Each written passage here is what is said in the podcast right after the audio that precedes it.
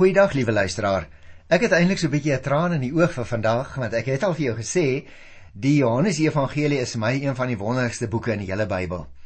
En vandag is ons by die laaste hoofstuk, Johannes 21, en ek wil dadelik begin by vers 15, want ons het hier twee mense wat eintlik in gesprek is met die Here Jesus op die laaste bladsye van hierdie evangelie. Die eerste een is Petrus, en eintlik gaan die Here Jesus vir hom herstel, né, want jy onthou hoe het hy droog gemaak en die Here Jesus verloon van tevore.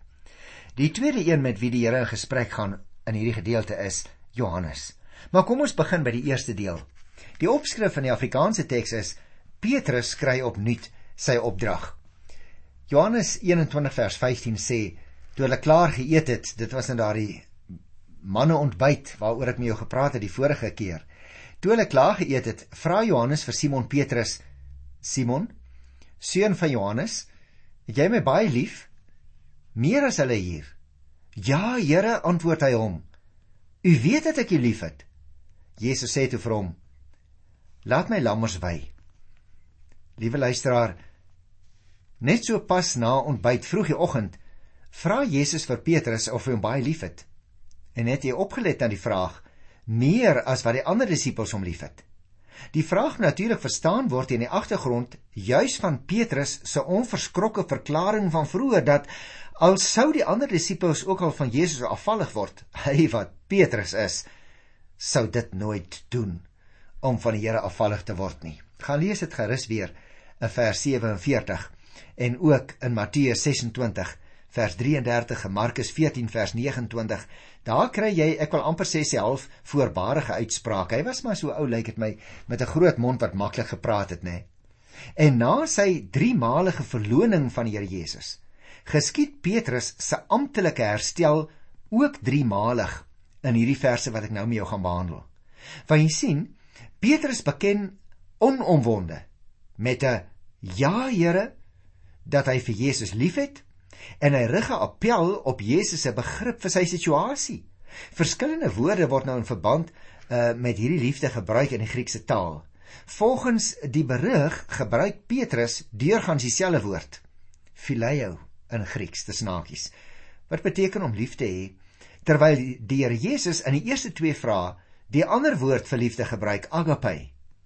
In die derde vraag, wanneer hy vir die derde keer vir Petrus oor sy liefde gaan vra, gebruik die Here Jesus dan die woord wat Petrus elke keer gebruik wanneer hy die Here antwoord. Jy sien die gebruik van die twee woorde lyk dit vir my is maar bloot stylafwisseling deur die skrywer. En dit beteken eintlik dieselfde. Aangesien daar in die oorspronklike gesprek in Aramees waarskynlik deurgangs net een woord vir liefde gebruik is. Die beeld van die herder en die skape wat ons ook nou-nou hier gaan raak lees, vind natuurlik bekende toepassing in die bediening van die lidmate. Kom ek lees dus hier by vers 16 en 17. Jesus vra hom weer 'n tweede keer: "Simon seun van Joda, het jy my baie lief?" "Ja, Here," antwoord hy hom. U weet dat ek u liefhet. Hy sê toe vir hom: Pas my skape op. Jesus vra hom die derde keer: Simon, seun van Johannes, het jy my baie lief? Petrus het bedroef geword omdat Jesus hom die derde keer gevra het: Het jy my baie lief?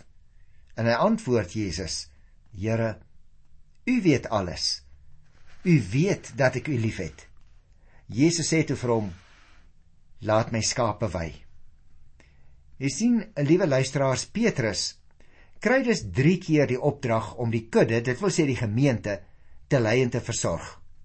En Jesus se soortgelyke vraag aan Petrus se soortgelyke antwoord word 3 keer herhaal.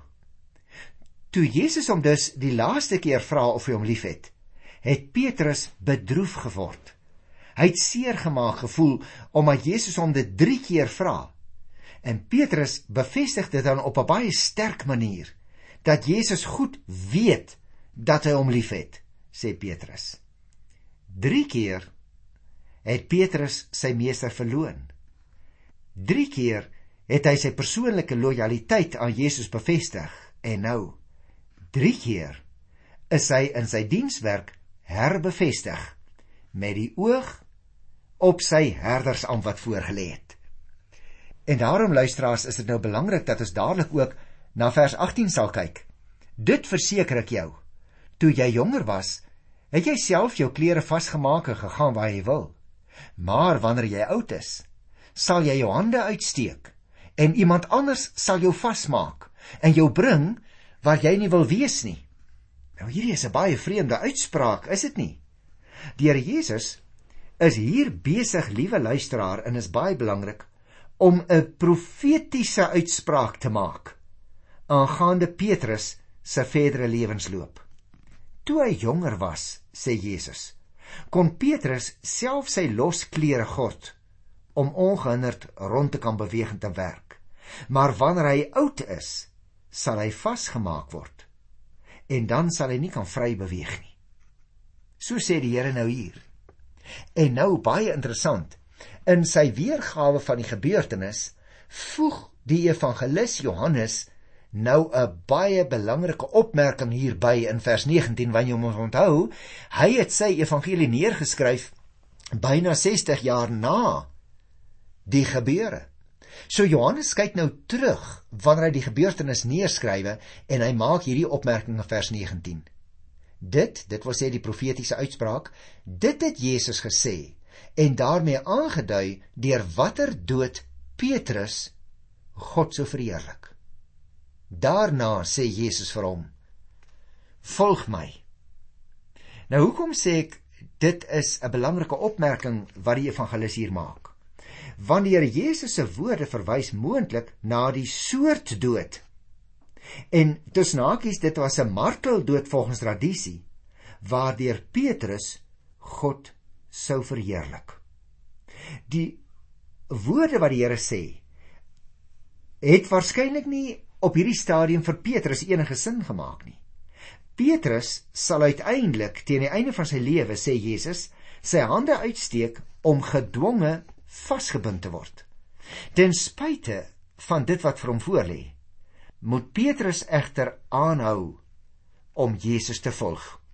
En daarom wil ek net voordat ek weer na hierdie gedeelte gaan kyk, enkele slotopmerkings maak, uh luisteraars, oor hierdie baie belangrike verse wat ons nou gelees het. Want jy sien, ons sien hier dat Jesus so met Petrus praat dat die donker wolk wat die verloning oor hom laat hang het, finaal van hom af kan verdwyn. Petrus het 3 keer ontken dat hy die Here Jesus ken. 3 keer het Jesus gevra of hy hom liefhet en die antwoord is 3 keer bevestig deur die apostel.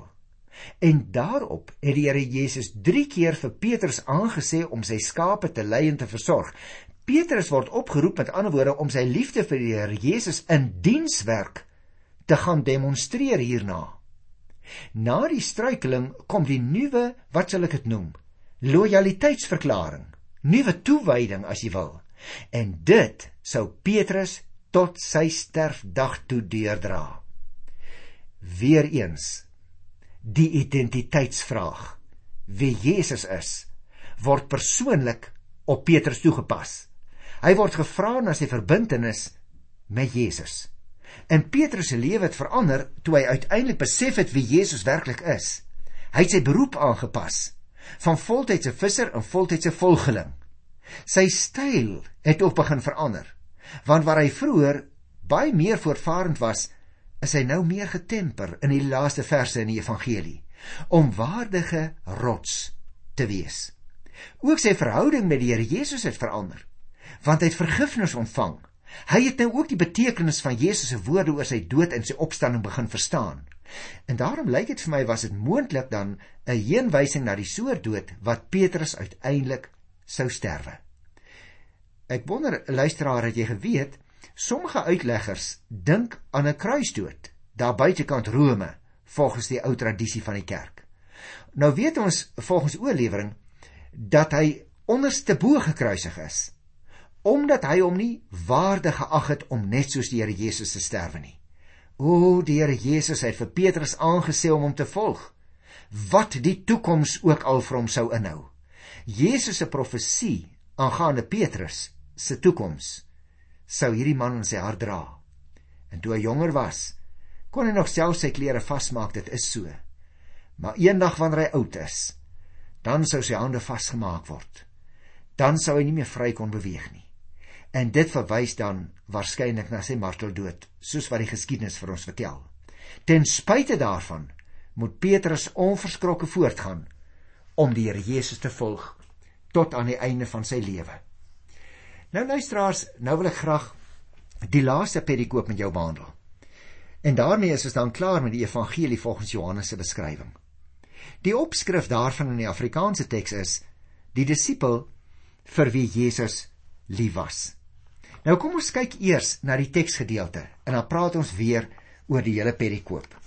Ek begin dus hier by die 20ste vers van Johannes hoofstuk 21. Toe Petrus omdraai, sien hy die disipel volg vir wie Jesus baie lief was, wat ook by die maaltyd na Jesus se kant toe oorgeleun het en gevra het: "Here, wie is u verraaier?" Nou jy onthou nog daardie geskiedenis. Ek hoef nie dit met jou te bespreek nie, liewe luisteraar. Maar hier in vers 20 is Jesus en die disippels nou aan die verdere beweeg. Die disipel vir wie Jesus baie lief was en wat by die ete moes uitvind wie die verraaier is destyds, volg agter Jesus en Petrus wat 'n paar tree vooruitloop. Nou let op die pragtige simboliese woordewisseling in volg. Die geliefde disipel volg steeds. Die Here het sopas vir Petrus gesê volg my. Maar ook hierdie een vir wie die Here so lief was, Johannes. Hy volg ook. Interessante woordspeling nie waar nie. Vers 21 toe Petrus hom dan sien, vra Petrus vir Jesus: "Here, wat van hom?" Jy sien, bewus van die herstelde leierskap wat hy self ontvang het, hy wat Petrus is, en ook diep onder die indruk van Jesus se profesie aangaande sy dood, doen Petrus nou dadelik navraag by Jesus oor wat met die ander disipel, naamlik Johannes, sou gebeur in die toekoms. Vers 22 Jesus antwoord hy hom: As ek wil hê dat hy in die lewe moet bly totdat ek weer kom, is dit nie jou saak nie. Volg jy my, Petrus? Interessant luisteraars nie waar nie. Jesus weier egter om Petrus se sogenaamde besorgdheid oor sy wederkoms te beantwoord. En dit gaan Petrus nie aan nie, sê die Here Jesus.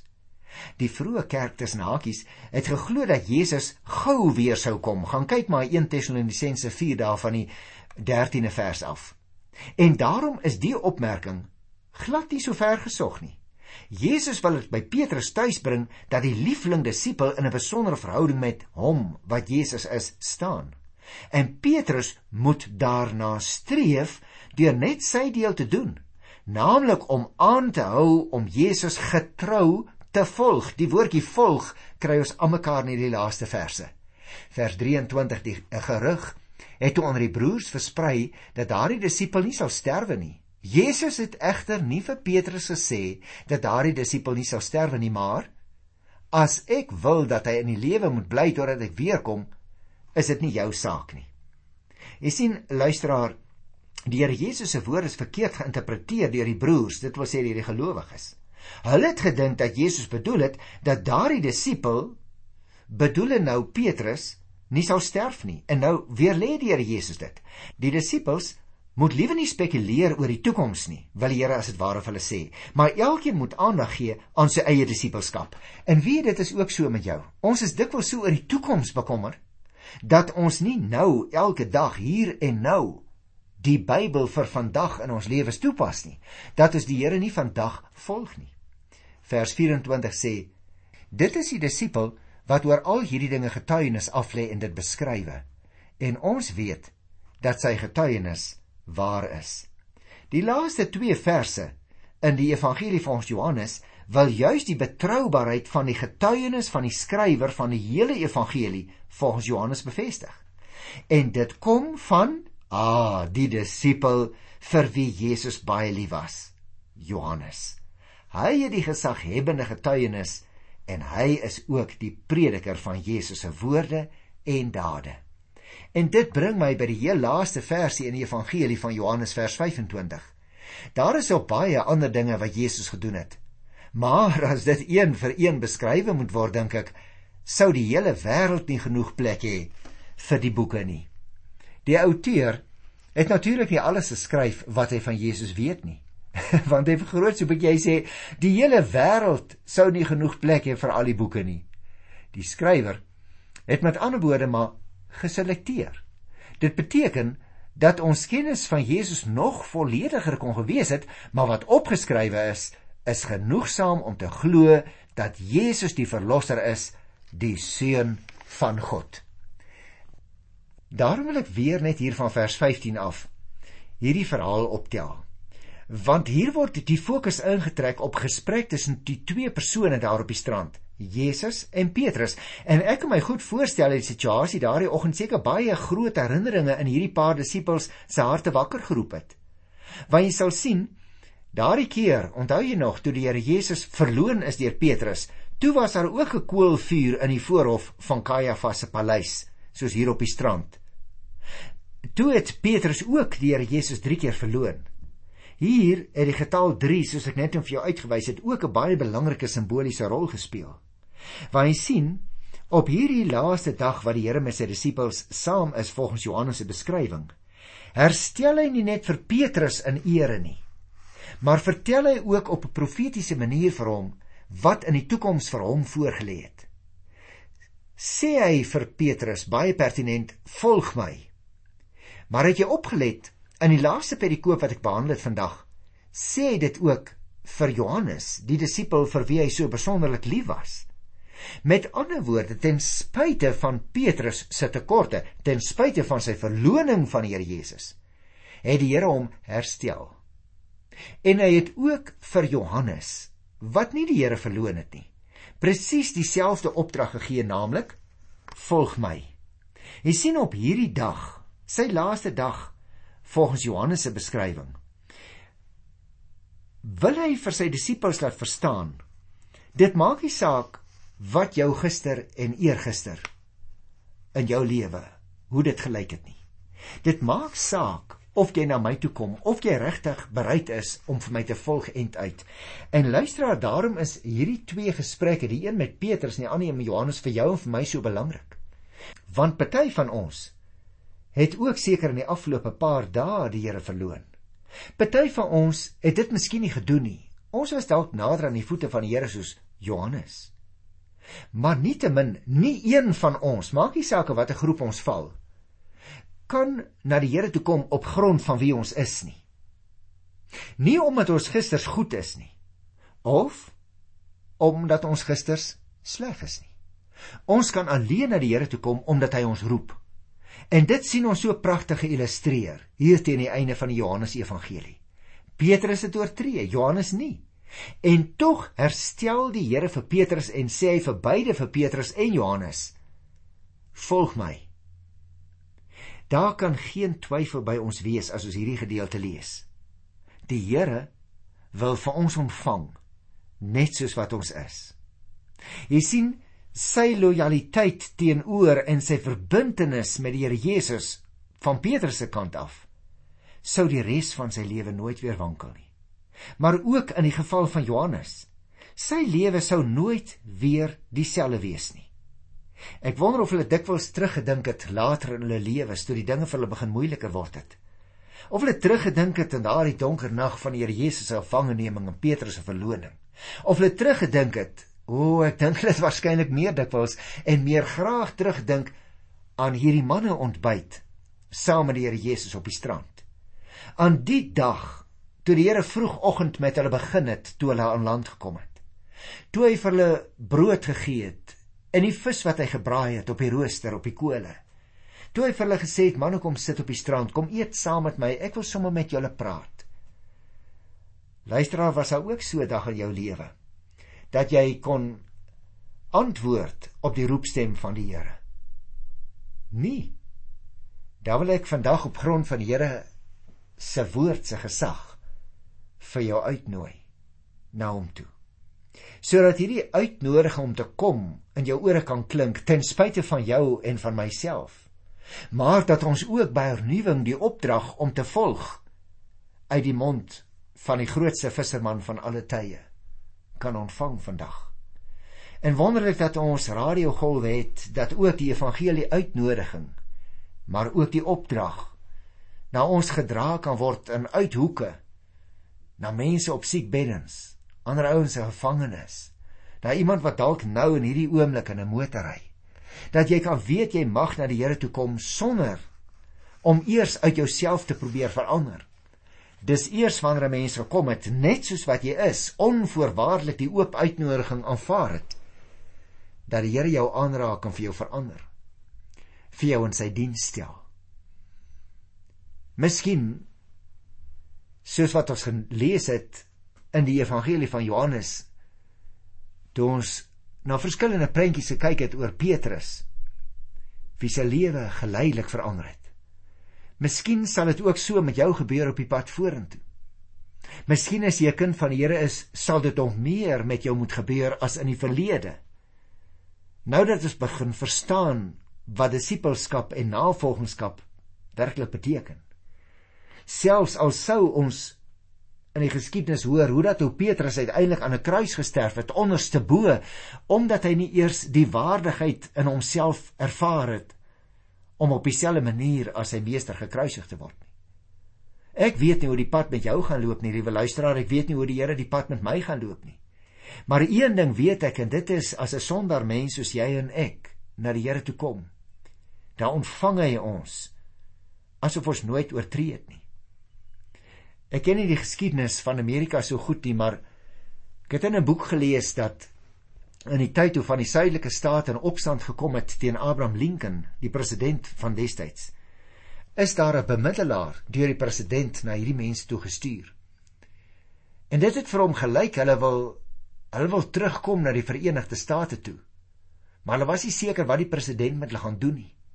En toe hierdie bemiddelaar by president Lincoln kom, En hy sê maar dit lyk vir my hierdie mense wil terugkom maar hulle is bang vir die straf. Wat gaan u doen? Toe Lincoln volgens die geskiedenisboeke geantwoord: As hulle terugkom en hulle onder my gesag weer stel, dan sal ek optree asof hulle nooit oortree het nie. En liewe luisteraar, die man in wie se mond die woorde van die lewe lê, die grootste leermeester van alle tye, Jesus van Nasaret, die beste visserman van alle tye. Dis hy wat vir jou en vir my nooi. Ten spyte van onsself. Dis hy wat vir ons die opdrag gee. Volg jy my? Moenie jou nie bekommer oor hoe ek jou verander nie. Moenie wakker lê oor die prosesse wat in jou hart en in jou lewe moet plaasvind nie. Volg jy my?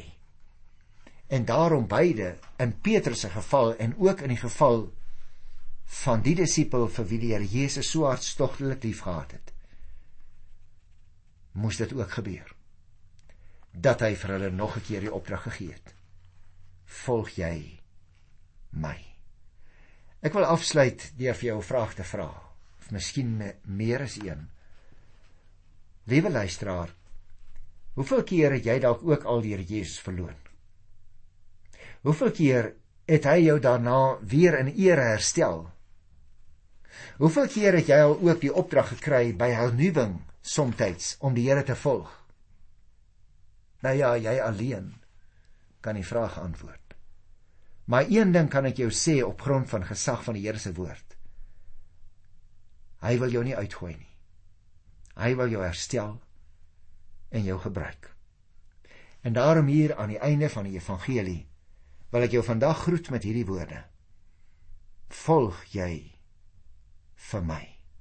Of jou naam Petrus is of Johannes of Annie of Piet of Sunny liewe luisteraar volg my sê die Here Jesus.